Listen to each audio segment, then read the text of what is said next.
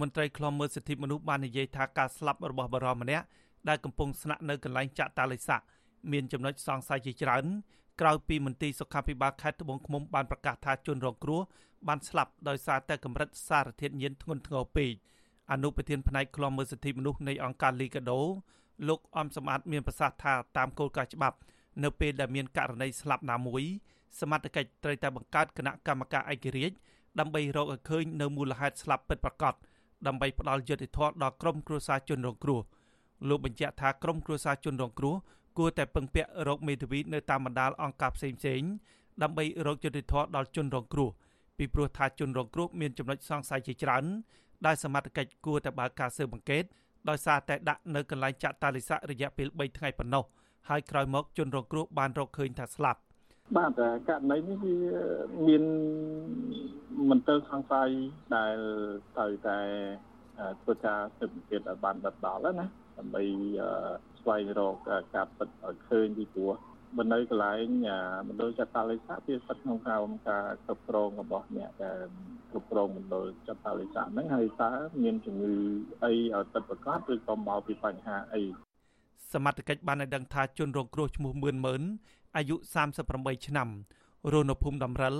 ស្រុកអូរាំងឪខេត្តត្បូងឃ្មុំត្រូវបានសមត្ថកិច្ចចាប់ខ្លួនកាលពីថ្ងៃទី25ឧសភាបន្ទាប់ពីបានវាយសម្លាប់មន្ត្រីយោធាមួយរូបដែលយាមនៅកន្លែងមជ្ឈមណ្ឌលចាត់តាលិស័កនៅក្នុងខេត្តត្បូងឃ្មុំអ្នកនាំពាក្យអគ្គស្នងការនគរបាលជាតិលោកឆៃកំខឿនបានបញ្ជាក់ថាលោកមឿនម៉ឺនត្រូវបានសមត្ថកិច្ចចាប់ខ្លួនភ្លាមភ្លាមក្រោយពីបានសម្លាប់មន្ត្រីយោធា លោកនិយាយថាមន្ត្រីសុខាភិបាលបានដាក់ឲ្យធ្វើចាត់តាលិស័កចំនួន14ថ្ងៃសិន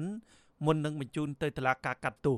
តែមិនទាន់ដល់ថ្ងៃកំណត់ផងជនរងគ្រោះបានស្លាប់ពេលដែលកំពុងធ្វើចាត់តាលិស័កតែម្ដងមូលហេតុនៃការវាយនេះវាតាមសាច់រឿងថាវាចង់រត់ចេញពីកន្លែងព្យាបាលចតាលិស័កនេះបាទតែឥឡូវនេះគេយកគាត់ធ្វើចតាលិស័កចាប់សពគ្រប់សិនហើយគេនឹងរៀបចំសំណុំរឿងបញ្ជូនតុលាការហើយ ព្រោះគាត់មានវិជ្ជមានកូវីដមន្ទីរសុខាភិបាលខេត្តត្បូងឃ្មុំបានជូនដំណឹងកាលពីថ្ងៃទី28ខែឧសភាថាលោកមឿនម៉ឺនបានស្លាប់បណ្ដាលមកពីផលលំបាកនៃសារធាតុគ្រឿងញៀនធ្ងន់ធ្ងរពេកគួបផ្សំនឹងជំងឺ Covid-19 ប៉ុន្តែក្រុមគ្រួសារជនរងគ្រោះមិនទាន់បានទៅពិនិត្យសាកសពថាមានទ្រង់ទ្រាយយ៉ាងណានៅឡើយទេប្រធានមន្ត្រីសុខាភិបាលខេត្តត្បូងឃ្មុំ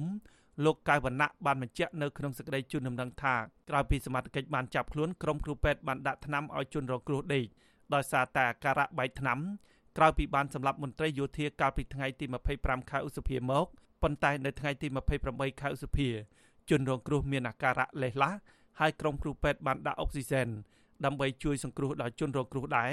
ប៉ុន្តែដោយសារតែសារធាតុគ្រឿងញៀនខ្លាំងពេកធ្វើឲ្យជនរងគ្រោះបានស្លាប់ដោយសារតែជំងឺគាំងបេះដូង